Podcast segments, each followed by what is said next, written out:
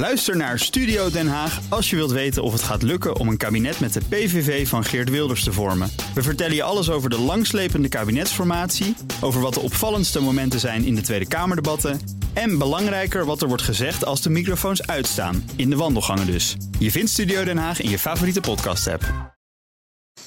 De column van Marianne Zwagerman. Ik stam uit een geslacht van ondernemers. Waar ik vandaan kom is vakbond een scheldwoord in de categorie rode rakker. Toch rijd ik nu rond met een vakbondsticker op de achterkant van mijn Range Rover.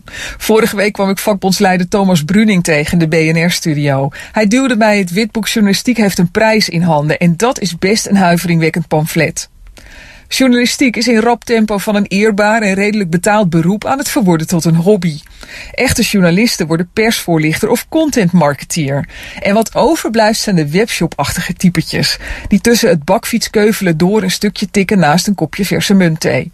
U denkt misschien dat ik overdrijf, maar helaas, in deze industrie die voor een groot deel op freelancers drijft, kan 40% van de journalisten niet rondkomen. Ze zijn afhankelijk van het inkomen van hun levensgezel. Nu ben ik van de doctrine als er geen vraag naar is, gaat het dood. Zo werkt de markt. Maar zo eenvoudig is het niet in de journalistiek, nog los van het maatschappelijk belang van deze bedrijfstak. Er spelen zaken mee waar geen journalist invloed op heeft, maar die de politiek had kunnen en moeten voorkomen. De EU nam vorige week een richtlijn aan die het lidstaten mogelijk maakt om buitenlandse videoplatformen zoals Netflix een bijdrage te laten betalen voor Europese videoproducties. Nederland protesteerde tegen deze protectionistische maatregel. Begrijpelijk vanuit liberaal oogpunt, maar toch lijkt het me zeer verdedigbaar om ook Google en Facebook vanuit de EU aan te pakken. Hun innovatiekracht en macht zijn zo scheef dat het zonder overheidsingrijpen niet meer goed komt. Voordat zij als sprinkhanen onze advertentiemarkt kaalvraten, ging een groot deel van het adverteerdersgeld naar nieuwsbedrijven met een redactie.